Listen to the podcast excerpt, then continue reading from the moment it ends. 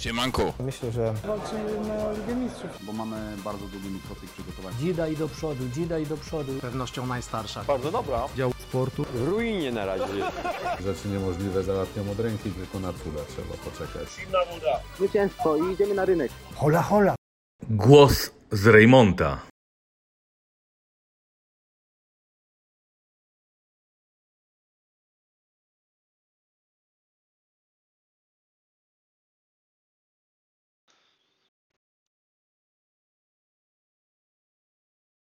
Witamy Was bardzo serdecznie. Jesteśmy w drugim odcinku programu Głos z Rejmonta. Witam Was bardzo serdecznie. Z tej strony Mateusz Stańczyk e, i przez najbliższą godzinę będę miał okazję rozmawiać tutaj e, w naprawdę znakomitym towarzystwie z moimi gośćmi. Jednym z nich jest oczywiście e, nasz stały ekspert e, programu, czyli Sebastian Kuźma. Witam Cię bardzo serdecznie. Seba, widzowie już Cię z pewnością znają doskonale. Dobry wieczór. Witam Cię. E, Jest z nami również Mateusz Karoń. Witam Cię również, Mateuszu. Dobry wieczór. Oraz e, jeszcze jest z nami człowiek e, prosto z portalu Watch Ekstraklasa, czyli Kamil Wawro. Witam Cię, Kamilu. Siemka.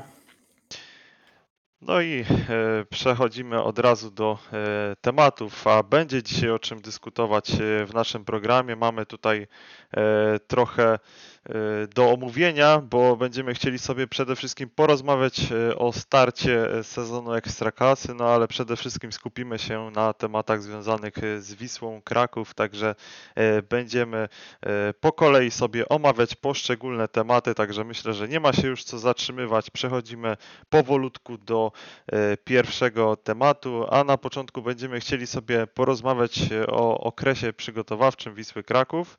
Więc zerknijmy sobie, co tam się e, działo w trakcie okresu przygotowawczego e, Wisły Kraków. Teraz e, możecie zobaczyć na ekranach e, plan przygotowań Wisły Kraków. No i właśnie chciałbym Cię zapytać, Sebastianie, jakie masz odczucia po tym okresie przygotowań? Już e, ten okres wynosi ponad 5 tygodni, bo w zasadzie tyle e, wynosi od startu treningów e, aż do dzisiaj ten czas. Także jakie masz, Sebastian, odczucia po tym pięciotygodniowym okresie pod okiem trenera Guli? No jeśli chodzi o odczucia, wrażenia, no to nie przypominam sobie, znaczy na pewno bardzo dawno temu były tak dobre, jak są teraz. Naprawdę można być optymistą, gdy patrzymy na to, jakiego mamy trenera, w jaki sposób y, prowadzone są wzmocnienia, jakie, jak, jak, jak zawodnicy do nas przyszli, prawda, począwszy od y, Hanuszka, Skwarki, El Magduego przede wszystkim, y, po Klimenta, y, Alana Urygi, który, Alana Urygę, który mm, wróci, wróci do nas y, we wrześniu, czy, czy Mateusza Huberta Sobola. Naprawdę można być y, dużym optymistą. Wiadomo, rysą na, na tym szkle na pewno jest y, brak y, napastnika, aczkolwiek myślę, że to jest jeszcze kwestia maksymalnie no, kilku, kilku dni. Przeciąga się, jak dobrze wiemy, sprawa odejścia Brauna Forbesa. Y, Z tego, co słyszałem, jest to problem z jego wizą do, do, do, do, Chin. Cały czas biedny czeka, y, prawdopodobnie w Niemczech na tą wizę, no ale no ileż to może trwać, nie? Wątpię, żeby ten transfer się wysypał przez to, także y, koniec końców na pewno prędzej czy później tra- ten transfer zostanie y, sfinalizowany, no i wtedy zaczniemy y, robić ruchy pod, mm, pod napastnika. Y, Pojawiły się wczoraj plotki, plotki właściwie, pojawiła się informacja od pana Tomasza Wodarczyka, że owym napastnikiem ma zostać Roginić y, spod Beskidzia, no ale ja myślę, że to jest zasłona dymna. Nie wątpię, że Wisła Kraków interesuje się takim zawodnikiem. Ja nie chcę mu nic, niczego ujmować. Myślę, że nie miał prawa pokazać się z takiej strony, jakiej, z jakiej mógłby się pokazać, y, biorąc pod uwagę pod to, że na przykład grał w bardzo kiepskim Podbeskidziu, nie miał z kim tam grać. Aczkolwiek myślę, że to nie jest wzmocnienie na Wisłę Kraków. Jeżeli ktokolwiek miałby przyjść pod Beskidzian, to prędzej Biliński niż Roginic. Także myślę, że ta informacja, biorąc pod uwagę, że też wyszła od y, pana Tomasza Wodarczyka, no, który miewał, do, miewa dobre informacje, ale miewa też y, chybione, jak na przykład z Turgemanem y, nie, z pół roku temu. Także myślę, że to jest jako zasłona dymna i prawdziwy napastnik przyjdzie, tylko najpierw musi rozwinąć kwestia Browna Forbesa. Także jeżeli podsumowując, jeżeli chodzi o odczucia przed to bardzo dobre. Praktycznie nie były tak dobre bardzo, bardzo dawno temu. No właśnie, no ciekawa jest ta cała sprawa z tym napastnikiem. No, wszelkie ruchy tak naprawdę e, no, w kwestii nowego e, napastnika, tak naprawdę właśnie, tak jak wspomniałeś, są uzależnione od tego e, transferu Browna Forbesa, czy on w końcu dojdzie do skutku. Miejmy nadzieję, że dojdzie, no ale faktycznie, jeśli miałby się pojawić za niego ten zawodnik z Podbeskidzia, no tutaj osobiście, no wolałbym jednak zatrzymać wtedy Browna Forbesa i myślę, że większość kibiców również by tego chciała, ale my możemy tylko spekulować. E, No i tutaj właśnie przed chwilą e, mieliście okazję Państwo widzieć, e, co się działo w ogóle, jeśli chodzi o mm, Wisłę Kraków w tym sezonie przygotowawczym. Zerknijmy sobie zatem właśnie na wyniki tych meczów sparingowych. Wisła wygrała e, trzy pierwsze spotkania, potem przegrała z Resowią Rzeszów, no i na sam koniec remis e, przy Rejmonta z Podbeskidziem Bielsko-Biała. No i tutaj właśnie chciałbym Cię Mateuszu e, zapytać, jak Ty oceniasz w ogóle jakość tych sparring partnerów? Czy to był dobry dobór tych sparring partnerów? Jak Ty osobiście widzisz tą całą sytuację? E, przede wszystkim patrzę na ten okres przygotowawczy y, pod takim kątem, że Wisła dość szybko kontraktowała tych piłkarzy, to znaczy e, trener miał, od, tak myślę, odpowiednią ilość czasu, ażeby z tymi piłkarzami sobie e, popracować, żeby wdrożyć ich w zespół. I to jest na pewno rzecz bardzo pozytywna. Co do doboru sparring partnerów, trudno jest mi się powiedzieć. Ja myślę, że, że, że bardziej jest to kwestia tego, co trener wdraża i tego, co e, chciałby widzieć e, w tych spotkaniach i pewnie najbardziej miarodajnym meczem byłby, czy powinien być e, ten ostatni mecz e, z Podbeskidziem. E, I z tego meczu e, na pewno wypisalibyśmy sobie wiele rzeczy pozytywnych, ale też wiele rzeczy negatywnych. Aczkolwiek ja cały czas byłbym za tym, e, żeby do tej nowej, przebudowywanej Wisły podchodzić e, z dużą rezerwą, dlatego że e, ten zespół w poprzednim sezonie był budowany pod kątem wysokiego pressingu, kontrpressingu, był, był budowany w zupełnie inny sposób niż ma to robić trener Gula. Więc podejrzewam, że dla części zawodników przestawienie się na inny model gry zajmie troszeczkę czasu, a do tego trzeba też dołożyć fakt, że mm, mamy w zespole sporo nowych nazwisk i oni też muszą się e, zaznajomić i z taktyką, e, i z kolegami z zespołu. Więc tak mówię, myślę, że myślę, że, że spokojnie trzeba do tego sezonu podchodzić, bo e, bo po prostu jedyną odpowiedzią będzie to, co zobaczymy w trakcie sezonu. No właśnie, bo przecież e, mogliśmy już zauważyć też w tych sparingach, jak mniej więcej to będzie wyglądało pod okiem trenera Guli, że właśnie e, w ataku będą kreowane, będzie dużo kreowanych tych sytuacji e, pod bramką rywali. E, No, w tych sparingach czasami brakowało tej skuteczności, brakowało tego napastnika, e, było to dosyć widoczne.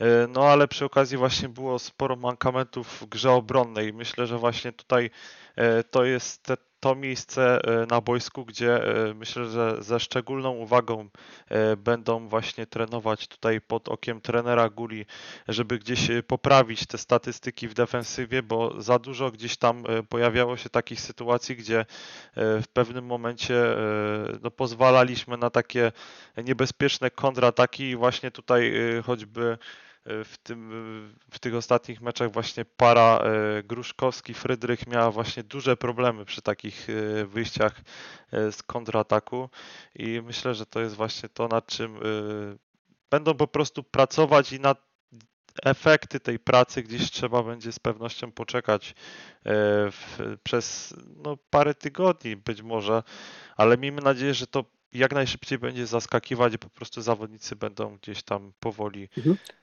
jasne, jasne, masz rację, wiesz, ale e, jeśli, jeśli możemy być troszeczkę bardziej konkretni, e, to zwróciłbym uwagę na to, że przy straconej bramce, kiedy Gruszkowski wychodził do pressingu i po prostu nie zdążył tego pressingu założyć skutecznie, e, zabrakło tak naprawdę asekuracji ze strony środkowych pomocników i to też jest e, zapewne część zadań, której, z których e, czy Żukow, czy Elmach, Elmachdiwi się nie wywiązali. E, I na pewno, na pewno potrzeba więcej asekuracji, ale powiem Ci, że to co, to, co zauważyłeś na początku, to, że Wisła e, stwarza sobie dość dużo sytuacji, e, to jest prawda. To bardzo fajnie wyglądają skrzydłowi, moim zdaniem, to znaczy są bardzo aktywni. Wyłapałem ciekawy niuans taktyczny z tego spotkania z Podbeskidziem.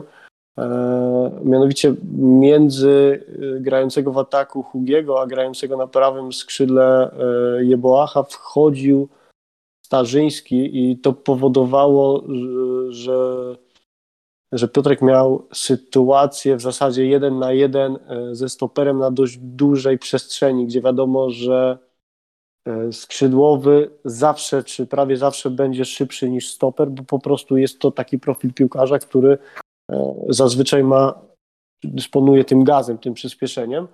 E, I faktycznie dwie albo trzy sytuacje groźne sobie Wisła dzięki temu manewrowi taktycznemu stworzyła. Bardzo ciekawie to wyglądało i też trzeba, trzeba Starzyńskiego pochwalić za postawę w tych sparingach, bo widać, że ten chłopak rośnie w oczach. No, e, oprócz e, właśnie Piotrka Starzyńskiego, bardzo mi się też podobał e, tych, przynajmniej tych sparingach, Ją Jeboa, który gdzieś e, po tej rundzie wiosennej gdzieś no, przygasał troszkę, nie ukrywam, i były obawy, czy ten chłopak jeszcze będzie w stanie się iść gdzieś w dobrym kierunku, rozwijać się właśnie w barwach Wisły Kraków. Okazuje się, że no, w tych sparingach wyglądał nieźle i oby szedł gdzieś też tą drogą. Mam taką osobiście też nadzieję. No i wiadomo, no, liczę też, że Jan Kliment jak już pojawi się w 100% gotowy do gry, no to wiadomo, to też nie jest napastnik, który z góry gdzieś zagwarantuje no, kilkanaście bramek w sezonie i tak dalej, ale liczę, że on też gdzieś tam e, wspomoże Wisłę w zdobywaniu tych bramek, no i też, że pojawi się jednak ten napastnik gdzieś tam na horyzoncie, bo na pewno jest to taki brakujący element i gdzieś tam czytając Twittera też czytam e, opinie po, po tym meczu, no rzucało się właśnie w oczy, że e, no ciągle gdzieś tam kibice no, gdzieś tam jednak narzekali na tą nieskuteczność, na ten brak napastnika, no ale cieszy, że przede wszystkim jest gdzieś tam y, możliwość kreowania tych wszystkich sytuacji, także są plusy, są minusy po tych sparingach, no i teraz po prostu trzeba będzie y, te minusy gdzieś tam y, zacząć likwidować, no a y, powolutku też gdzieś jeszcze bardziej uwidaczniać te plusy Mhm. na boisku. Wiesz, jeszcze, jeszcze w kwestii napastnika e, rozmawiałem chwileczkę e, przedwczoraj z Tomkiem Pasiecznym i e, o ile to nie jest zasłona dymna, Tomek mówi, że Wisła na ten moment e, chce być spokojna na rynku transferowym, raczej czekać na, e, na jakąś okazję, a jak wiadomo, taka może, może trafić się w każdej chwili, ale zazwyczaj one zdarzają się pod koniec okienka transferowego, gdzie komuś e, parę opcji nie wypali, a niestety trzeba sobie zdać sprawę z tego, że Wisła no, nie będzie pierwszym wyborem dla, dla wielu piłkarzy, którzy do niej trafiają, bo po prostu jesteśmy w takim miejscu, w jakim jesteśmy e, i jako liga, i jako klub, e, więc e, myślę, że myślę, że to nie jest zasłona dymna. Myślę, że Wisła po prostu będzie czekać na okazję. E, Co do tego Roginicia, wiecie co, ja nie wiem, czy, czy, czy jest w tym coś prawdy, czy nie. E, Statystyki tego zawodnika z Ekstraklasy są po prostu bardzo słabe, a kwota, która pada w, artykuł Tomka, w artykule Tomka Wod- Wodarczyka e, no, też jest dość wysoka. To jest w granicach 200-300 tysięcy euro, czyli w okolicach miliona złotych. Milion złotych za piłkarza, który zdobył dwa gole w ekstraklasie, to jest e, bardzo dużo. E, Więc myślę, że myślę, że to po prostu jakaś, jakaś plotka, albo Roginić ma iść do jakiegoś innego klubu i ktoś gra na, na podbicie ceny. No niewykluczone, że to jest właśnie taki puszczony news, taki, żeby po prostu gdzieś tam zrobić taką... Przeciek kontrolowany. Tak, dokładnie. No to myślę, że powoli sobie będziemy zamykać ten temat sparingów. yy, Będziemy powoli iść dalej w naszym programie. Yy, Teraz zerknijmy sobie może jak w ogóle wygląda yy, kadra yy, Wisły Kraków przed nadchodzącymi rozgrywkami. Zaczerpnęliśmy ją z oficjalnej strony Wisły Kraków. No generalnie jest dosyć duże bogactwo. Trzeba powiedzieć, że ta kadra jest w miarę powiedzmy tak no zbalansowana pod tym względem, że gdzieś na każdą pozycję mamy e, jakiegoś rezerwowego i na pewno względem zeszłego sezonu wydaje mi się, że e, mamy przynajmniej też kim postraszyć e, z ławki rezerwowych. Jakie masz Kamilu odczucie w temacie kadry właśnie Wisły? Ja szczerze mówiąc jestem zadowolony tymi transferami, które odbyły się w tym okienku transferowym, ponieważ udało się pozbyć troszkę zawodników, którzy mniej sprawdzali się y, w poprzednim sezonie oraz takich, którzy już y, raczej kończą swoje kariery, więc na pewno jestem zadowolony z tego, że Alan Uryga do nas y, dołączył. To oczywiście było wiadomo dużo wcześniej, lecz ten środkowy obrońca, drugi obok Frydrycha zawsze był taką, można powiedzieć, niewiadomą i potrzebowaliśmy takiego zawodnika, który będzie dawał spokój, ale czy będzie dawał, to o tym się przekonany. Na pewno jestem też y, zadowolony z tego, że tak dużo ofensywnych pomocni- y, zawodników, pomocników czy napastników dołączyło do naszego zespołu. Osobiście na pewno y, jestem ciekawy, co pokaże Skwarka, ponieważ to zawodnik z dość dobrym CV, z dość dobrą przeszłością, bodajże w Żylinie, o jeżeli się nie mylę. Rozegrał tam bardzo dużą ilość spotkań, zdobył mistrzostwo z Żyliną oraz bodajże z, z tym, z tą drużyną z Węgier, ale już to nie pamiętam. Nikt nie chce się. Hornwaros, właśnie to jest mega ten, mega y, y, trudna nazwa, więc z tego jest na pewno zadowolony i tak jak właśnie chyba ty wspominałeś Mateusz, że mamy kim postraszyć z ławką, w z ławki, że w końcu, że ktoś może wejść, ktoś może szarpnąć, nie tylko będziemy musieli patrzeć na y, tego Jebłacha, który jest dość szybki, ale troszkę ucichł pod koniec sezonu, ale to też cały zespół ucie, u, ucichł trochę, y, więc na pewno jeszcze fajnie, że dołączył Jan Kliment, chociaż nie jest to zawodnik jakoś, taką, jakoś tak mega mega bramkoszczelny, ale ma tych swoich bramek, szczególnie w ostatnim sezonie strzelił ich 10, więc to też będzie taka fajna, e, w, taki, w takie fajne wzmocnienie. No i najbardziej czego mi brakuje to chyba prawy obrońca, bo nie wiem czy, nie wiem kto tam będzie szykowany. Ja myślałem, że Gruszkowski będzie tym prawym obrońcą podstawowym. No i oczywiście jest, ten, jest też Sadlok, no ale wiemy, że ten Sadlok jest już troszkę wiekowy i zdarzają mu się te, y, te błędy w poszczególnych mieczach, więc ja No ogólnie nie, Kamilu, patrzę... jak mówisz o prawej obronie, no to y, Gruszkowski albo Szot. Sadlok, no to tylko lewa do rywalizacji z Hanuszkiem Wachowiakiem, albo ewentualnie na środek taka opcja rezerwowa. Na prawej to tylko Gruszkowski albo Szot. No tak wiem, ale ja pamiętam tego szota z końca, z końcu, czy tam z drugiej połowy sezonu i to jest chłop mega elektryczny. Ja go nie widzę, szczerze mówiąc. y, No ja też grze. Uważam, że bardziej Gruszkowski niż Szot. No tak, tak, więc ja myślę, że to jest zawodnik, oczywiście, no nie już nie taki bardzo młody, ale młody i myślę, że warto jest mu dać taką ostatnią szansę gdzieś na wypożyczenie, żeby gdzieś się ograł, bo jednak wiemy, że Wisła nie jest w tym momencie sportowo top w Polsce, ale to jest zespół, który dalej ma tą presję kibiców, oczekiwań i no nie wiem, czy ten chłopak po prostu umiejętnościami nie dojeżdża, czy głową, więc myślę, że warto byłoby mu dać szansę gdzieś się rozegrać, bo w tym momencie, tak jeżeli patrzymy na ten, na ten skład, to prawy obrońca to jest według mnie no must have, który pasowałoby się wzmocnić, czy coś z tym zrobić, no i myślę, że ten napastnik, no też nie mówmy, że ten y, Kliment, czy nie wiem, czy też Hugi, y, Hu- Hugi czy Hudzi będzie no też może chyba zagrać jakiej takiej troszkę roli napastnika, więc zobaczymy co będzie. Na pewno Wisła na tego Hugiego w ataku liczy e, i myślę, że dlatego nie będą się spieszyć z napastnikiem, bo zdają sobie sprawę z tego, że Hugi może w ataku zagrać.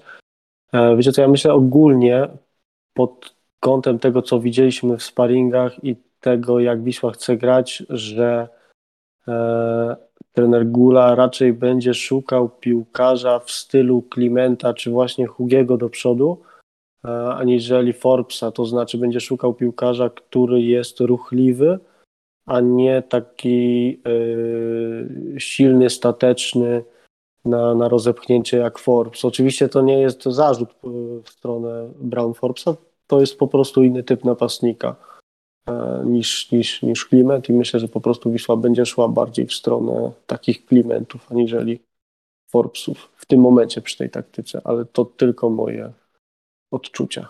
To znaczy, wiesz, pierwszym y, domniemanym do- wzmocnieniem, które zapowiedział trener Gula, który wiadomo już się nie spełni, miał być Zdenek Gondraszek, także mm, trener Gula nie jest przeciwny też y, takim, y, takim rozwiązaniom w ataku, takim zawodnikom, a więc myślę, że wszystko będzie, o wszystkim będzie decydował rynek, o ko- kogo nam się akurat y, uda ściągnąć y, już. Tak, tak, ale wiesz, ale Zdenek Ondraszek to nie jest piłkarz stateczny. Zdenek Ondraszek jest piłkarzem silnym, e, ale niebywale ruchliwym. To znaczy, no bardziej brałem, brałem pod uwagę to porównanie do Forbesa, nie? No bo można jakieś cechy wspólne bardziej, y, jeżeli chodzi o do Forbesa, porównać y, z Denka, niżeli nie wiesz, do Klimenta, nie? Bo Denek jednak y, bazuje na sile, na grze głową, na właśnie przepchaniu się z obrońcami, także, a wspominam o, o tym, że dlatego, ten Gula zapowiedział wtedy, jak podczas pierwszej, kon- po, pierwszej konferencji transfer Denka, także też y, nie jest przeciwny takim rozwiązaniom, wiadomo, nie wypaliło z tym transferem, no ale to wszystko będzie, to wszystkim będzie A co, chcesz rynek. powiedzieć, chcesz powiedzieć, że szukaliśmy typowego czeskiego napastnika? No, mo- może, może nie aż tak, ale wiadomo, Zdenek y, mam, miał przeszłość, y, bogatą przeszłość w Wiśle, no i to było takie dosyć naturalne rozwiązanie, jak miałby do nas przyjść. Nie wyszło niestety, nie wiem czego zabrakło. Myślę, że jednak Styła przebiła nas finansowo, że temat był, ale no, nie udało się. No, ale tak zakończając, chodzi mi o to, że ten ogóle nie jest przeciwny takim zawodnikom, takim napastnikom, którzy bazują jednak na tej, głównie na tej sile, na tym, na tych główkach, na tym przepchaniu się, niżeli na właśnie rozgrywaniu akcji. Eee, tak, tak, jeszcze wiesz, jeszcze jeżeli chodzi o czeskiego napastnika, przepraszam Was za, za off-top. E, przypomniała mi się anegdota od Ireneusza Irenia, że, e, bo on podchodzi spod granicy czeskiej z Cieszyna e, i, i jak grali sparingi przed sezonami, to starali się nie grać z czeskimi drużynami, bo każdy sparing z drużyną z Czech kończył się bijatyką. No to faktycznie ciekawe, e, ciekawe spostrzeżenie. E, No ja jeszcze tutaj wracając do tematu, e, jak na początku zaczęliście, właśnie Kamil zaczął rozmawiać na temat obrońców, to ja tutaj właśnie mm, myślę, że każdy chciałby, żeby po drugiej stronie, na tej prawej obronie był ktoś taki jak Hanuszek po lewej.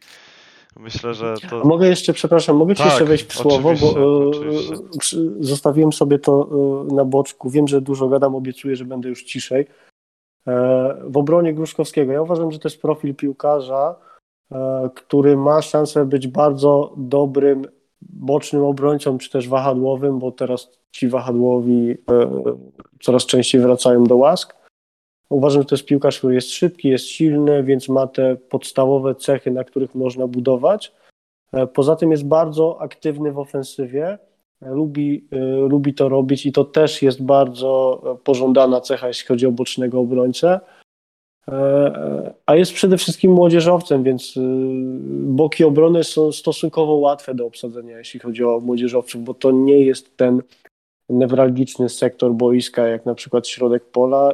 I wydaje mi się, że akurat jeśli chodzi o tę prawą obronę, to warto temu chłopakowi dać szansę, warto na niego poczekać, bo jeśli on faktycznie na treningach pokazuje, że coś w sobie ma, to możemy mieć z niego pociechę. O ile on nie pójdzie w stronę Dawida nie psuje, nie umniejszając oczywiście, tylko, tylko po prostu będzie się dynamicznie rozwijał, to za jakiś czas możemy mieć z niego pociechę.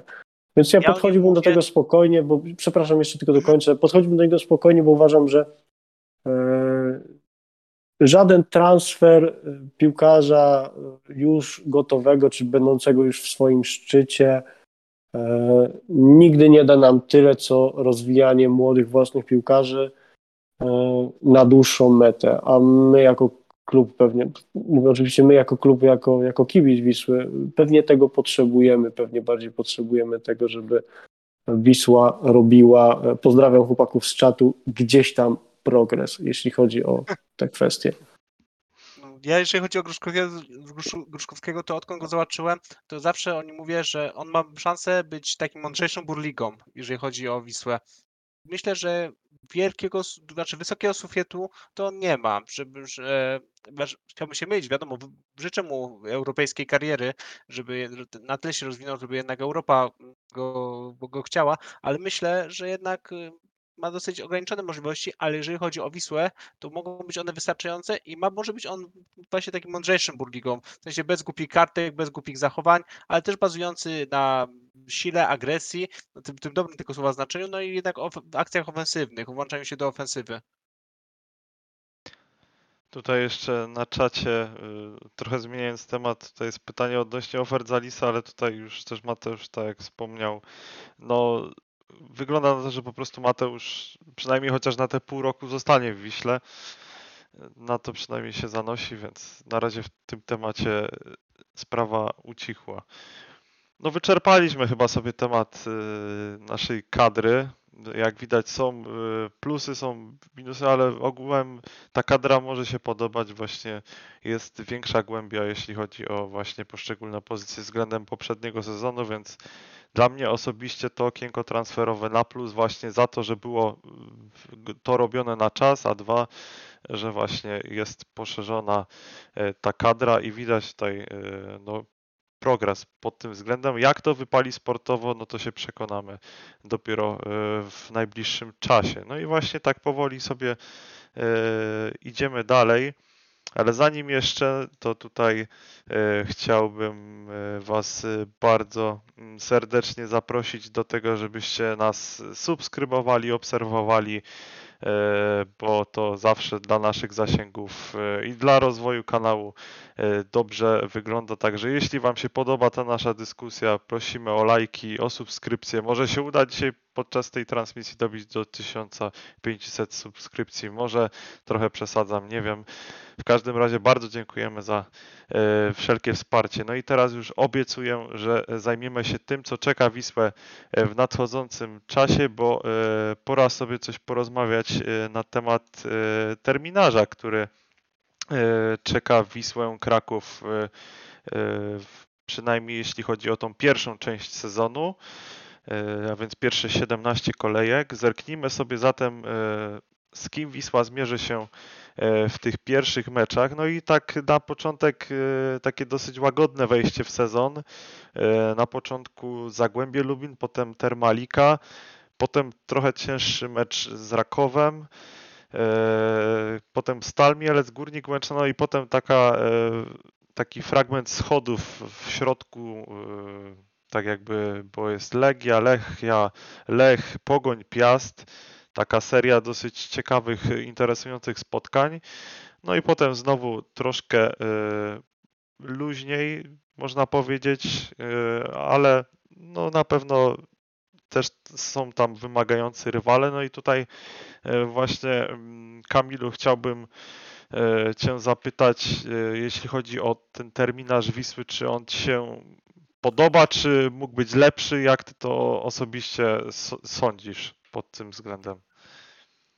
Nie no, oczywiście, ja jestem mega zadowolony z tego terminarzu, bo na pewno raz y, pięć kolejek mamy takich, że musimy dobrze wejść w ten sezon, bo dobrze wiemy, że Ekstraklasa to nie jest taka liga, że mówisz sobie, aha, ten ma tego, ten ma tego, ten gra tak, no to tak wygra. To jest taka liga, której to jest taka liga, w której jest prawo serii, czyli jeżeli wygrywasz, no to hurtem, jeżeli przegrywasz, tak samo hurtem, więc myślę, że bardzo fajnie byłoby wejść dobrze w ten sezon, Zagłębie Lublin, dobrze wiemy, że jest mega ciężko się coś po nich spodziewać, ponieważ mogą nieoczekiwanie wygrać ze wszystkimi, ale również mogą przegrać, więc yy, myślę, że fajne, fajny start to jest na pewno to, czego Wisła potrzebuje, ponieważ ten skład, tak jak wcześniej wspominaliśmy, się dużo zmieniał. Zmienił się trener, zmieniło się mega, zawodnik, mega dużo zawodników, więc ja liczę, że y, mecz z Zagłębiem, jeżeli go nie przegramy, to będzie fajnie. No i potem mamy y, Termalikę, czyli y, Beniaminka, a dobrze wiemy, jak to bywa z, tych,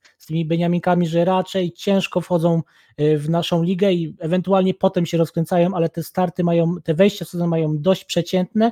No i potem mamy ten Raków, który jeżeli będzie sobie dobrze radził w europejskich porach, to też już dobrze znamy z historii, że te drużyny, które zmagają się za granicami naszego państwa, to mają no, ciężkie wejście, ciężkie wejścia w sezony, więc też możemy liczyć na swoją szansę. Potem jest ta y, Stal Mielec, po której ja nie spodziewam się w tym sezonie mega dużo, raczej liczę, że to będzie mocny Y, kandydat do spadku, ponieważ jeżeli bierzesz sobie trenera, który ma szczęście, jeżeli bierzesz sobie zawodników z przypadku i tam dzieją się różne mega dziwne rzeczy, no to nie możesz brać takiego klubu na poważnie, więc też będzie fajny mecz. No i potem też, y, no i piątym meczem będzie kolejny mecz z Beniaminkiem, czyli z Górnikiem Łęczna, więc myślę, że no nie wiem, pewnie jakoś tam, gdybyśmy sobie przeanalizowali cały, całą tabelę, to moglibyśmy sobie wymarzyć jakiś lepszy terminarz, ale uważam, że na to, co mamy teraz, jest to mega fajny terminarz, żeby 5 kolejek, no nie wiem, będzie do zdobycia 15 punktów, jeżeli zdobędziemy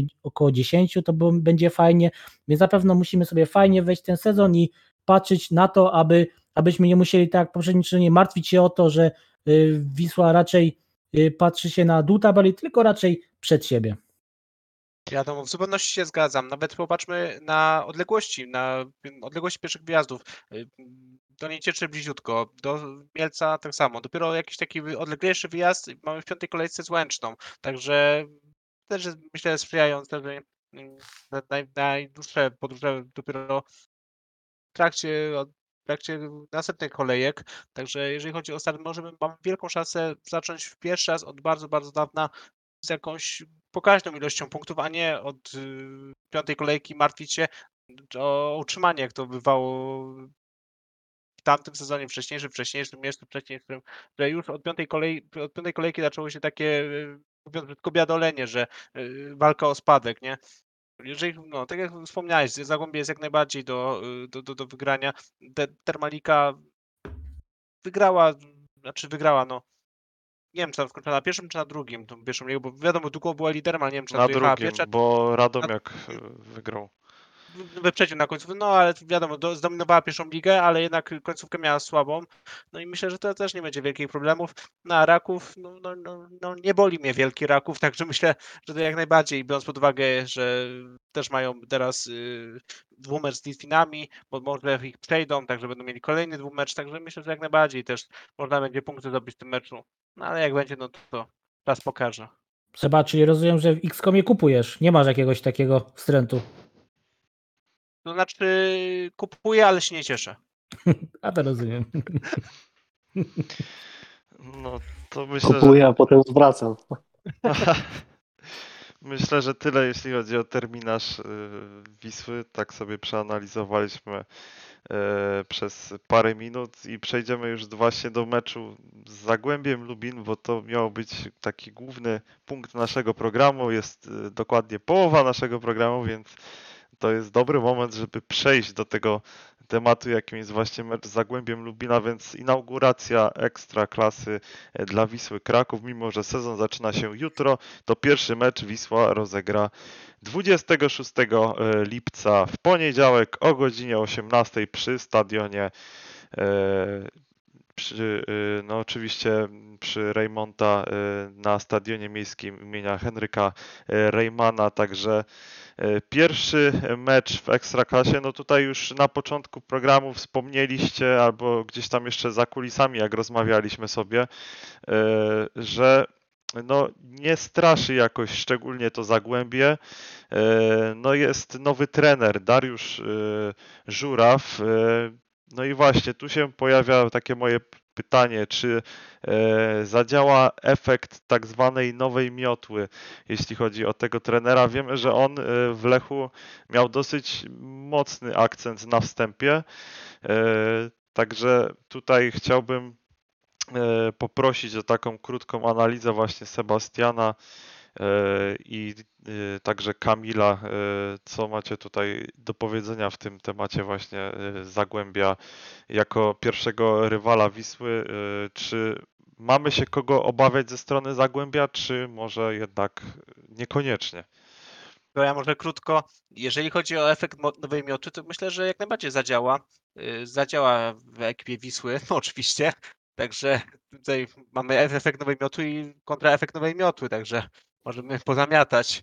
Ach, No tak, tylko mimo wszystko trener Żuraw przyszedł później do Zagłębia niż No wiadomo, wiadomo, wiadomo, żartuję. Ale jeżeli chodzi o samo Zagłębie, no to trener Żuraw jest y, trenerem, który dostał Lecha w bardzo niekorzystnym dla siebie momencie, bo był i ciągle jest tam niesamowity bałagan, żeby nie powiedzieć gorzej. I tak naprawdę można powiedzieć, że osiągnął maksa, co, co, co mógł z tym zespołem. Nie wiem, czy był w stanie y, zrobić coś lepiej. Został y, zwolniony w pewnym momencie, kiedy już nie poradził sobie, no ale nie wiem, czy wielu trenerów na jego miejscu również by sobie nie poradziło, także ja bym nie oceniał go za ten etap y, w Lechu. Też pamiętajmy o dobrych, dobrych meczach, o dobrych wynikach, które zrobił między innymi w Europie razem z Lechem, także nie oceniałbym go tak krytycznie. Przychodzi do Zagłębia i zobaczymy, to będzie dla niego test, ale kadra Zagłębia też nie, nie jest jakaś y, optymistyczna dla, dla, dla, dla tego trenera. Mm, Kogo tam mamy? Wiadomo, jest Starzyński, jest Poręba, jest Chodyna, jest y, niby Baszkirow, który fajnie wszedł w Ekstraklasę, ale potem im dalej w las, tym było gorzej.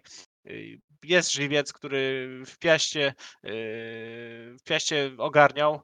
Potem w Zagłębiu na początku też ogarniał, no ale też już końcówka słabiutka. Jest porządny bramkarz Chładun. No i to pomału tyle. No. Jeżeli chodzi o wzmocnienia, no to przyszedł y, Soler y, z Ligi Słowackiej, y, gdzie opinia o nim była jako typowym takim tak zwanym brzydko mówiąc dżemiku. Niczym specjalnym się tam nie wyróżniał. No i przyszedł Hinokio z pierwszej ligi. Japoński, japoński pomocnik, która, która, który raczej jest wizją przyszłości, jeżeli wzmocnieniem na teraz. Także no, nie boję się Zagłębia, wiadomo, ale zobaczymy, zobaczymy, czy, czy, czy będzie faktycznie tak łatwo, czy może jednak zaskoczą. Mam nadzieję, że nie. A ty, Kamilu, co byś chciał dodać w temacie Zagłębia? No ja zdecydowanie mogę powiedzieć to, że po Zagłębiu możemy spodziewać się wszystkiego. Ten zespół może przyjść, może rozklepać Wisłę jak będzie tylko chciał, ale może przyjść i mega się podłożyć. Możemy oklepać y, te Zagłębie jak będziemy chcieli, a takie dwa podstawowe y, warunki są tego tak, jak wejdzie w mecz y, Filip Starzyński, ponieważ jest to zawodnik mega, mega chimeryczny. Jest to zawodnik, który może wyjść na mecz i zrobić wszystko, może strzelić bramkę z każdej pozycji, ale też zagrać do mega niebezpiecznego, niebezpiecznego Patryka Szysza, który na skrzydle naprawdę w tym sezonie miał dobrą końcówkę sezonu i mogli, możemy się spodziewać tego, że może gdzieś tam bramkę załadować, ale to też nie jest taki zawodnik, że musimy się go bać, ponieważ wiecie co, już nie pamiętam w którym to meczu, ale to było pod koniec sezonu, miał taką jedną y, patelnię i ją zmarnował i potem był koniec, koniec meczu dla niego, więc a jeszcze to zagłębie poparte tym na- najlepszą taktyką w Ekstraklasie, czyli efektem nowej miotły naprawdę będzie, y, może być mega niebezpieczny, ale to naprawdę musimy podejść do tego spokojnie. Oczywiście Zagłębie ma swoje atuty, ale jeżeli podejdziemy i zagramy ten mecz dobrze, jeżeli od początku wejdziemy w ten mecz dobrze, o tak może powiem, i włączymy Filip, Filipa Starzyńskiego i Patryka Szyża, myślę, że nie mamy się czego bać i będziemy mogli przywieźć trzy punkty, a raczej zostawić trzy punkty przy remonta. Ale właśnie dobrze wspomniałeś o tej chimeryczności, bo ja właśnie pamiętam w tamtym sezonie Zagłębie, które naprawdę potrafiło w jednym meczu grać fantastycznie i tam ogrywać z rywala kilkoma bramkami, a w kolejnym meczu nagle przychodzi e, drużyna, która po prostu no, w niczym nie przypomina tej, którą widzieliśmy na przykład e, tydzień temu, więc no faktycznie coś jest w tej drużynie takiego, że e, jest pewna właśnie ta chimeryczność. Także jestem ciekaw, jak poukłada to trener Żuraw. No ale myślę, że możemy być w miarę optymistami. No ważny jest ten start dla Wisły właśnie pod tym względem, żeby zrobić trochę punktów, żeby trochę takiego marginesu bezpieczeństwa sobie dodać, żeby trochę spokoju też wlać w serca kibiców.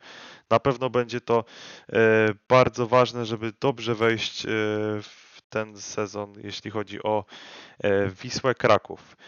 No i myślę, że teraz przejdziemy sobie do prezentacji, bo tutaj poprosiłem przed programem każdego z Was o to, żeby e, zaprezentował jakąś własną jedenastkę, którą by wyszedł na ten mecz. To jest często Wasza inwencja taka e, Wasza po prostu, a niekoniecznie też e, związana no, z tym, co będzie, ale to będę e, dawał Wam okazję, żebyście się wytłumaczyli każdy z osobna z tych poszczególnych e, jedenastek. E, Więc w takim razie przechodzimy od razu już do pierwszej jedenastki. O analizę tej mm, pierwszej jedenastki poproszę Mateusza.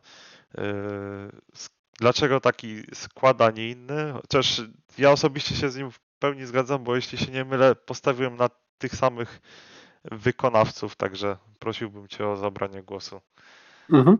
E, Okej, dobrze, to taka sz- szybciutka korekta. Myślę, że e, Kuba bardziej między Starzyńskim a Jeboachem e, i e, w linii jako takie typowe szóstki, ósemki El Mahdiwi i Żukow.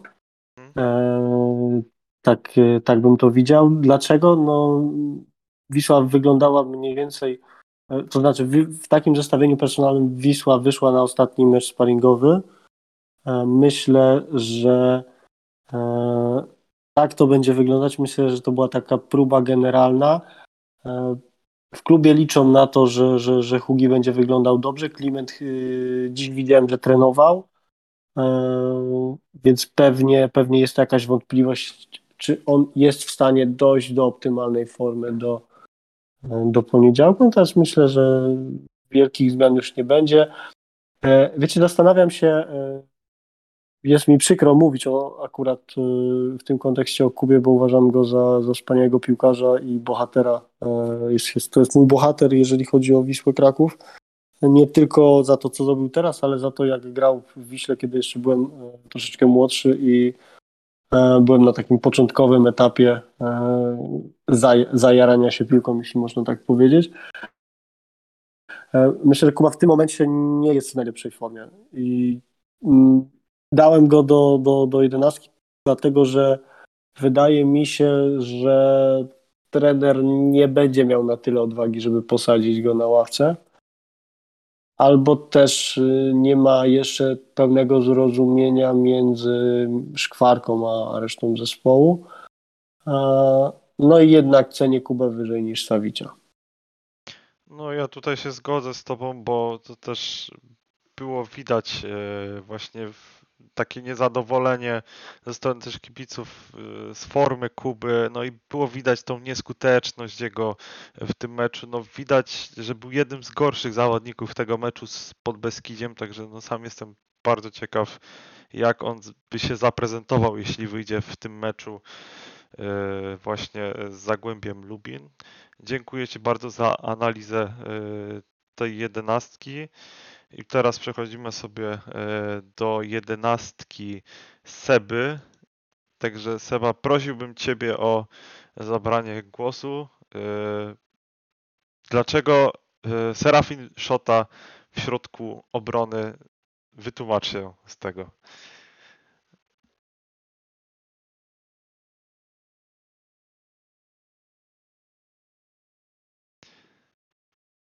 Pan Sebastian znowu czyżby mm, wyszedł? No to za moment przejdziemy do jedenastki Halo, Sebastiana. halo, jestem, jestem, jestem, miałem, przepraszam, wyłączony mikrofon, nie zauważyłem. Jeżeli chodzi o Serafina Szrotę, to to mieliśmy dwie, dwa, dwa wybory praktycznie, albo on, albo Maciej Sadluk, prawda? No a ja, przyznam się bez bicia, jestem nieco już uprzedzony do Maćka Sadloka. Wiadomo, może jestem w tym niesprawiedliwy, no ale nic za to nie poradzę. No nie mogę już y, patrzeć y, Wiadomo, że jak on będzie na boisku, to wszystkie rzuty rożne, wszystkie rzuty wolne będzie on wykonywał. Wiadomo, że w pewnym momencie zmieni go, jeżeli będzie Sawić, no to Sawić, nie wiem, może Hanuszek poprosi, ale wie, wiadomo, że te 70-80% tych stałych fragmentów gry będzie wykonywał Maciek. A z jaką skutecznością robił to w tamtym sezonie, wszyscy wiemy. Dlatego no, no zbrzydł mi, jeżeli chodzi o te stałe fragmenty gry. Dlatego wolałbym już, żeby tym tym zawodnikiem, który, który, który będzie towarzyszył Frydrychowi w obronie, był młody Sterek Szota, który może zaliczyć jeszcze progres, ma potencjał, może go w końcu pokazać. Wcale go jeszcze nie skreślam przez y, słabe sparingi. Także myślę, że to jest bardziej racjonalna opcja. Wiadomo, wróci Adi Mehremić, wróci Alan Uryga, no to zakończą dyskusję, ale na ten moment ceni, wyżej cenię y, Sterka Szotę od Maćka. No. Także no, no, to, co mogę więcej powiedzieć. A jeżeli chodzi o Sawicia w środku, bo pewnie o to też byś zapytał, no to wiemy, jaką miał końcówkę sezonu. W końcówce sezonu pokazał y, swoje praktyczne, faktyczne możliwości. Pamiętamy w z Piastem Gliwice i myślę, że to był początek jego optymalnej formy. Wiadomo, sparingi w sparingach nie, nie, nie pokazał się znowu z najlepszej, najlepszej, z najlepszej strony, ale ja tak, ja tak bardzo na sparingi nie patrzę znowuż. Nie mają za wiele znaczenia, także jeżeli chodzi o kogo, kogo bym wybrał z trójki, y, Sawic, Kwarka, Kuba, no to na ten jeden mecz z Zagłębiem wybrałbym jeszcze Sabicia. Jeżeli Skwarka pokaże, że już jest y, mega formie, już y, po, y, poczuł styl gry trenera Guli, już może być wartością dodaną, no to kończy temat. Ale na ten temat Sawić, a Kuba może być mega wartością dodaną, ale na końcówki, na skrzydło, tylko i wyłącznie. No, ciekawa interpretacja. Y, Z Szotą, y, z Serafinem Szotą ja się osobiście z- z- zgodzę pod tym względem, że dla mnie ten chłopak y, mimo wszystko zrobił postęp, bo wydaje mi się, że e, jak przychodził, y, wracał po tym wypożyczeniu, e, to gdzieś e, wydawało się, że no, on jest skreślony trochę taki już, że jego już po prostu gdzieś tam chyba jest bardziej poza Wisłą, ale tymczasem no gdzieś e, on e, był wkładany do składu przez trenera Chybale i teraz e, no sam jestem ciekaw jak będzie się układać jego pozycja właśnie pod okiem trenera Guli, ale ciągle jest w drużynie i na pewno jest jedną z opcji i myślę, że w razie ewentualnych e, jakichś właśnie gorszych występów e, Maćka Sadloka przy ubogiej jednak teraz e, pozycji środka obrony ze względu na kontuzję Mechremicia i Urygi. Myślę, że to jest zawodnik, który będzie dostawał te szanse.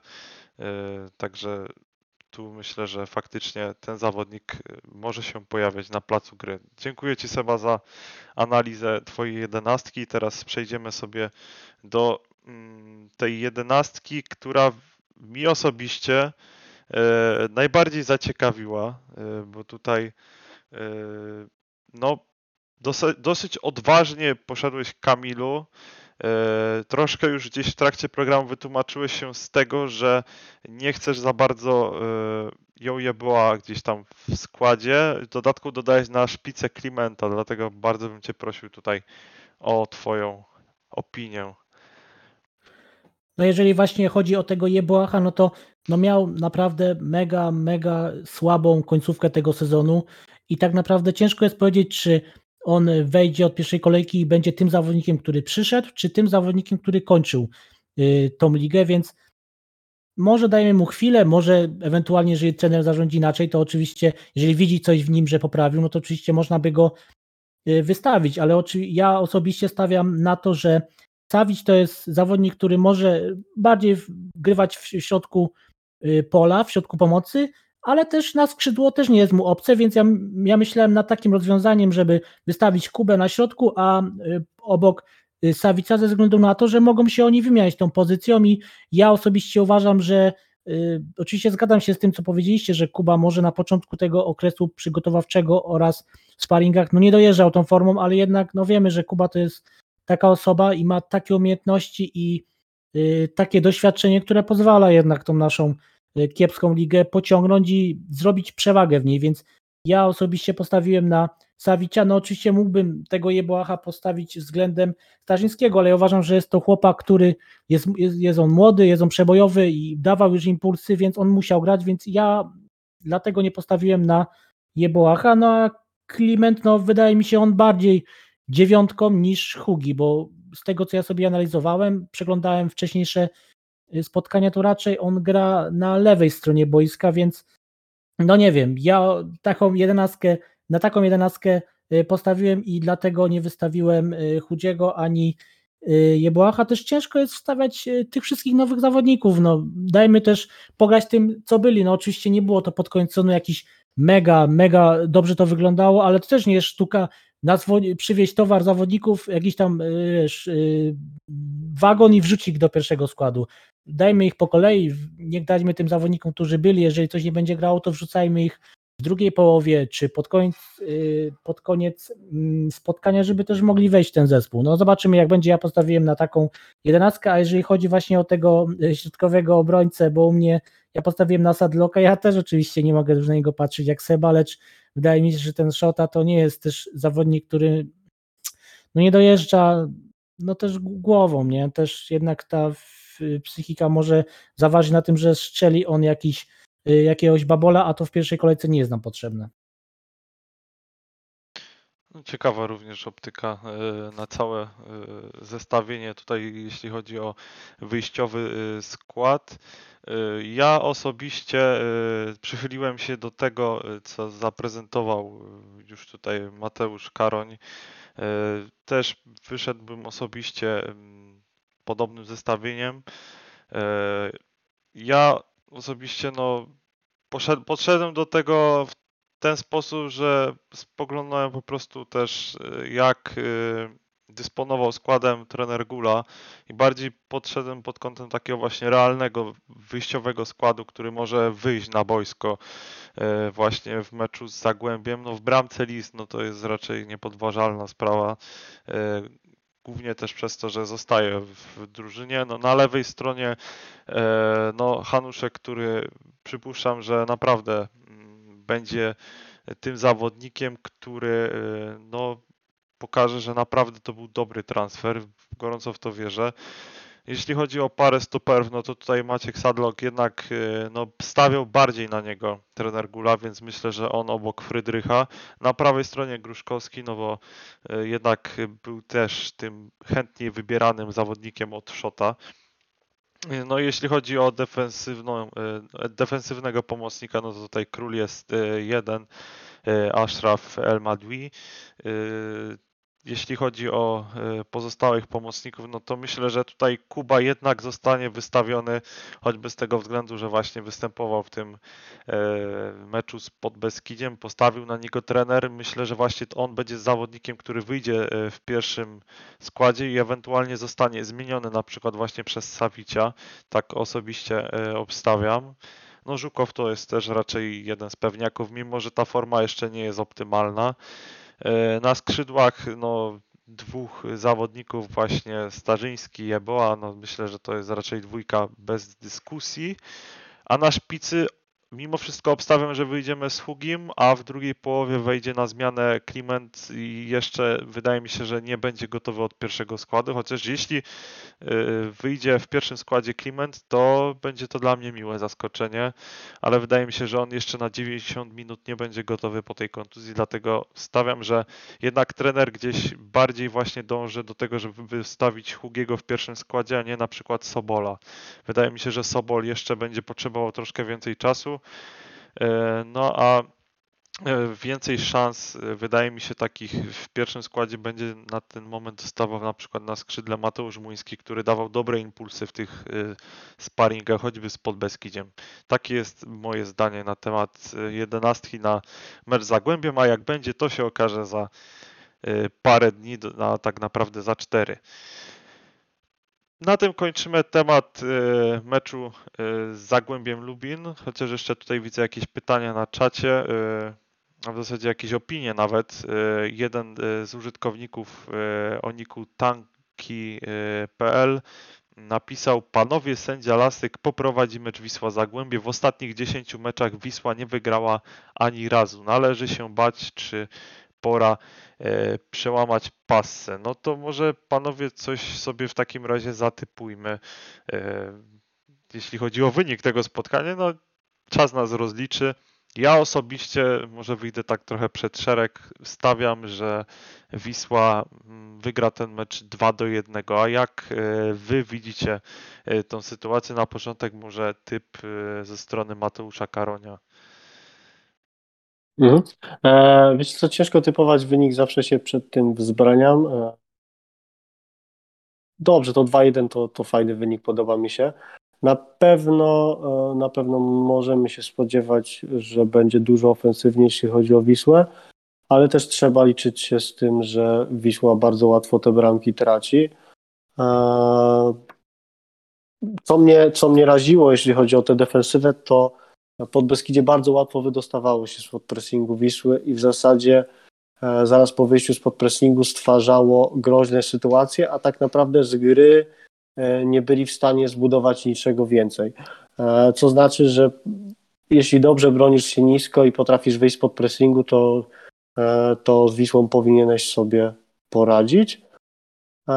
Ale jeśli tutaj było parę nazwisk jeszcze wcześniej omówione, tak jak i wy pewnie jestem oczarowany Magdiwim, jeśli chodzi o jego swobodę gry, jeżeli chodzi o to, jak on się zachowuje e, z piłką, e, niezależnie od tego, czy atakuje go dwóch czy trzech przeciwników pod jego polem karnym. To jest, to jest piłkarz, który po prostu bardzo, bardzo, bardzo dużo widzi. Zupełnie inny typ zawodnika niż Żukow. Zobaczymy, jak on się będzie e, prezentował na tle silniejszych drużyn, ale też, też mam nadzieję, że, że nie gorzej i że będziemy po prostu widzieć piłkarza, który rośnie i da nam troszkę radości. A jak y, ty, Seba, widzisz y, mecz z Zagłębiem? Jaki wynik obstawiasz? To znaczy, tak samo nie lubię obstawiać dokładnych wyników, no ale wydaje mi się, że mimo wszystko Zagłębie nie będzie w stanie nam strzelić bramki, także obstawiam jakieś 2-0, może, może 3. Tak optymistycznie podejdę, bardzo optymistycznie, ale jakbym, jakbym miał coś wytypować, no to bardziej tak jakiś jedno, jednostronny mecz z naszej strony. A ty, Kamilu? Jak sądzisz? No ja, pod, ja podobnie jak ty, bo mam takie przeświadczenie, że jednak tą bramkę możemy chociażby jedną stracić, no ale nie dopuszczam do siebie myśli takiej, że przegramy, więc ja stawiam na takie 2-1, ale żeby nie było jednostronnie, to powiedzmy, że 3-1 będzie dla Wisły. Jeszcze takie jedno takie pytanie mi się nasunęło pod kątem meczu z Zagłębiem, bo w trakcie sparingów mieliśmy dużo tych bramek z 11 metra i tak się właśnie zastanawiam, e, czy myślicie, że znowu pojawi się taka sytuacja, że będziemy mieć dużo takich właśnie sytuacji, gdzie e, będziemy zdobywać te rzuty karne, no i też tam mieliśmy dwa przestrzelone w tych sparingach, więc właśnie mm, jestem ciekaw, czy znowu powtórzy się taka sytuacja w- po prostu już w meczach eks- ekstraklasy, nie, niekoniecznie jeśli chodzi o sparingi. Jak myślisz, Seba? No oby, no większość tych y, karnych zdobywaliśmy szybkością, a to Piotra Starzyńskiego, a to pamiętajmy Mateusza Młyńskiego, który bardzo, z bardzo dobrej strony pokazał się z tym wejściem y, w meczu, w meczu z Podbeskidziem. Tam była jakaś ręka, pamiętajmy.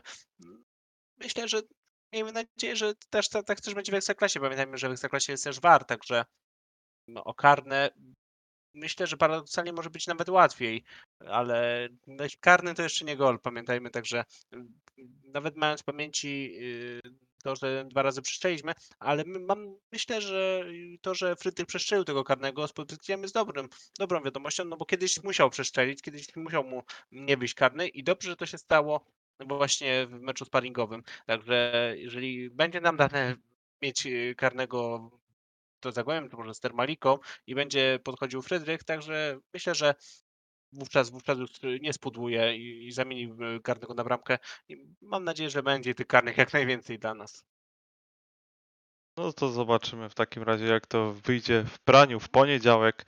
Będziemy bacznie obserwować ten mecz. O godzinie 18 spotkanie przy Rejmonta z Zagłębiem Lubin. Także zapraszamy czy to na stadionie, czy na ekranie e, telewizora. E, oglądajcie mecz Wisły Kraków. Zapraszamy bardzo serdecznie. No i cóż, teraz już kończymy temat Zagłębiem. Na sam koniec jeszcze chciałbym z Wami mm, porozmawiać na temat e, tego, co wydarzy się już za dwa tygodnie. E, Tak, dobrze myślę, chyba dokładnie za 13 dni, bo Wisła dzisiaj ogłosiła, że zmierzy się e, w spotkaniu w ramach 115-lecia obchodów właśnie jubileuszu Wisły Kraków, że zmierzy się nie z Borussią Dortmund, przynajmniej na razie, a zmierzy się z drużyną SSC e, Napoli. E, Ja tutaj może zacytuję, co padło w komunikacie, jeśli chodzi właśnie o spotkanie z e, drużyną z Neapolu. Zaplanowane na rok jubileuszowe spotkanie z Borussią Dortmund ze względu na obowiązki przeciwnika wynikające z uczestnictwa w rozgrywkach ligowych oraz w Pucharze Niemiec nie odbędzie się w przewidywanym terminie. Dlatego też właśnie klub podjął taką decyzję, że e, po prostu sięgnął po innego rywala, ale moim zdaniem jest to naprawdę również atrakcyjny rywal. e, A jakie właśnie wy macie e, na to spojrzenie? Może poprosimy tutaj Mateusza o zdanie na ten temat. Osobiście się cieszę, bo wydaje mi się, że na ten moment e, Napoli jest w stanie wzbudzić e, tyle samo, o ile nie więcej emocji niż Borussia Dortmund. Przede wszystkim dlatego, że być może zobaczymy na boisku e, Piotra Zielińskiego, którego osobiście jestem wielkim fanem. No ja też myślę, że właśnie ten aspekt, choćby właśnie pod tym względem, że pojawi się Polak w drużynie przeciwnej, to jest też pewnie gratka jakaś dla kibiców. A wy, Kamilu i Sebastianie, jakie macie? Wiesz, jeszcze, jeszcze, że wejdę ci w słowo, Mhm. Zieliński w Napoli wygląda dobrze, a kibice reprezentacji Polski nieczęsto mogą to oglądać. No to to jest choćby jeden z powodów, dla którego warto będzie obejrzeć ten mecz, także z punktu neu- e, takiego neutralnego kibica. A ty, Sebastianie, co masz do powiedzenia na temat meczu z e, Napoli? Na pewno fajna gratka dla części kibiców, aczkolwiek, mm, tak jak wspominałem już wcześniej, jak wolałbym o wiele bardziej, żeby te, taki mecz odbył się przed sezonem niż y, między drugą a trzecią kolejką. Dla mnie w tym momencie no, niejako traci urok y, całe wydarzenie, aczkolwiek wiadomo, jest to, jest to część obchodów 115-lecia, bardzo ważnej, bardzo ważnej uroczystości, bardzo ważnej daty dla nas. No, aczkolwiek ja tego 4, 4 sierpnia będę myślami raczej przy meczu z Rakowem Częstochowa, albo będę wspominał mecz z Termaliką, niżeli emocjonował się będę meczem z Napoli. Jeżeli chodzi o samego przeciwnika, no to jest to równie atrakcyjny rywal, a może nawet i bardziej właśnie przez fakt Piotra Zielińskiego. A ty, Kamilu, co byś chciał dodać jeszcze na sam koniec w tym temacie? No, myślę, że już chłopaki powiedzieli wszystko, a jak wiemy, jeżeli chodzi o takie spotkania, no to fajnie, że przyjeżdża duża marka, duży klub y, z fajnej ligi, ale myślę, że najbardziej chodzi o to, żeby jak najwięcej zawodników z podstawowego składu wystąpiło w takim meczu. Wtedy ten y, wtedy taki mecz ma sens, ponieważ no, nikt nie chce, nikt nie przychodzi oglądać herbu tego, tej drużyny, tylko po prostu zawodników w nich y, występujących, więc im więcej będzie takich zawodników z podstawowego składu, tym będzie fajniej, ewentualnie. No, Napoli fajnie, ponieważ nie mieliśmy jakoś, czy zespoły nasze w, y, w europejskich pucharach nie miały jakiejś większej ilości, większej szansy spotkać się z nim, więc myślę, że jeżeli fajnie, na przykład Borussia, no to wiadomo, że już kiedyś zdarzyło nam się spotkać z tą drużyną, myślę, że jest to fajny rywal i liczymy na to, że jak najwięcej podstawowych zawodników przyjedzie do Krakowa.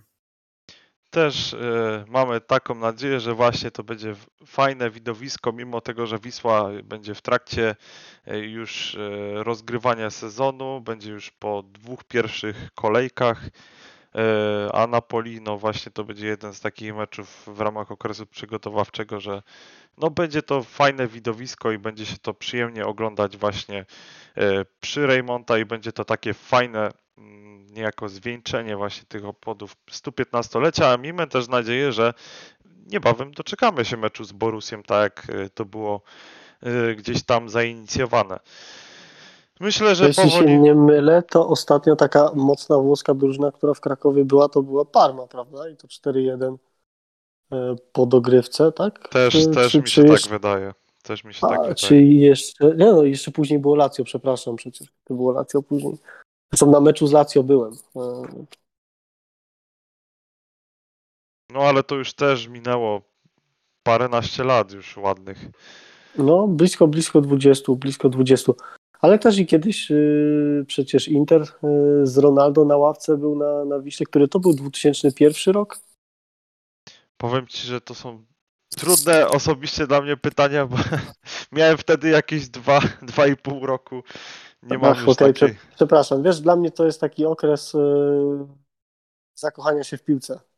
Zwłaszcza te mecze z Parmą, te mecze, ten mecz wjazdowy z Szalkę.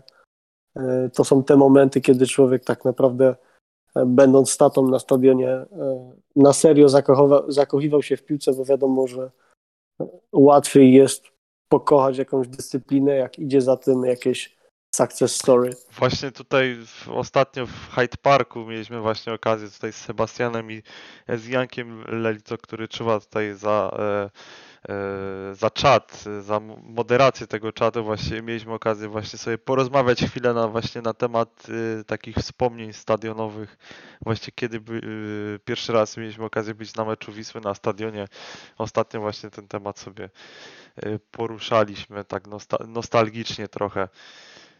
Myślę, że na tym yy, poprzestaniemy. Mm, Dzisiaj to by było na tyle. Godzinka naprawdę w bardzo dobrym towarzystwie spędzona. Myślę, że e, Wy również e, jesteście zadowoleni z tego, e, co tutaj się działo. Po prostu, że była fajna dyskusja. Mi się osobiście e, bardzo podobała. Dziękujemy za aktywność na czacie, że nas tutaj właśnie komentowaliście, za wszelkie lajki z waszej strony, za to, że byliście podczas e, tej naszej dzisiejszej transmisji. Jeśli wam się podobała transmisja, zostawcie suba, lajka, naprawdę jakiś fajny komentarz, będziemy bardzo wdzięczni. Obserwujcie nas na Twitterze, na Facebooku, także jak ktoś chce, no to jutro udostępnię odcinek do odsłuchania na Spotify'u jeśli ktoś woli taką formę. Bardzo dziękujemy za to e, dzisiejsze spotkanie. Ze mną e, byli dzisiaj nasz stały gość programu, czyli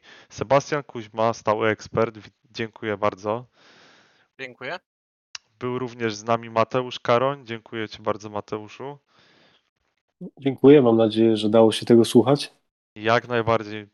Myślę, że same pozytywne odczucia. Ja osobiście uważam, że to była bardzo ciekawa, merytoryczna dyskusja. Mi się bardzo fajnie z Wami gadało. Dziękuję również Kamilu. Również byłeś bardzo ważną częścią tej fajnej dyskusji. Dziękujemy Ci bardzo. Kamil Wawro. Dziękuję, było mi bardzo miło i mam nadzieję, że jakoś merytorycznie można było tego posłuchać. Myślę, że jak najbardziej, że tutaj e, będą wszyscy generalnie e, zadowoleni z tego, e, co tu się dzisiaj wydarzyło. Ja osobiście bardzo dziękuję, że byliście z nami. Kłaniam się nisko, Mateusz Stańczyk. No i wkrótce zapraszamy na kolejne produkcje, a teraz po prostu kibicujmy też polskim drużynom w pucharach. No a od jutro start ekstra klasy. No i w poniedziałek Wisła kontra Zagłębie. Zapraszamy serdecznie na ten mecz, czy to na stadionie, czy przed telewizorem. No i przy okazji zapraszamy też do zapisów do Socios, bo to jest nieodłączna część też naszych y, programów. Po prostu zapisujcie się, bądźcie y, z Wisłą cały czas. Dziękujemy bardzo serdecznie za mile spędzony y, wieczór i kłaniamy się nisko. Dziękujemy, że byliście z nami. Dzięki, dobranoc. bo mamy bardzo długi mikrofon przygotowany. Dzida i do przodu, dzida i do przodu. Pewnością najstarsza. Bardzo dobra. Dział sportu. W ruinie na razie. Rzeczy niemożliwe załatwiam od ręki, tylko na cudze trzeba poczekać. Zwycięstwo i idziemy na rynek. Głos z Rejmonta.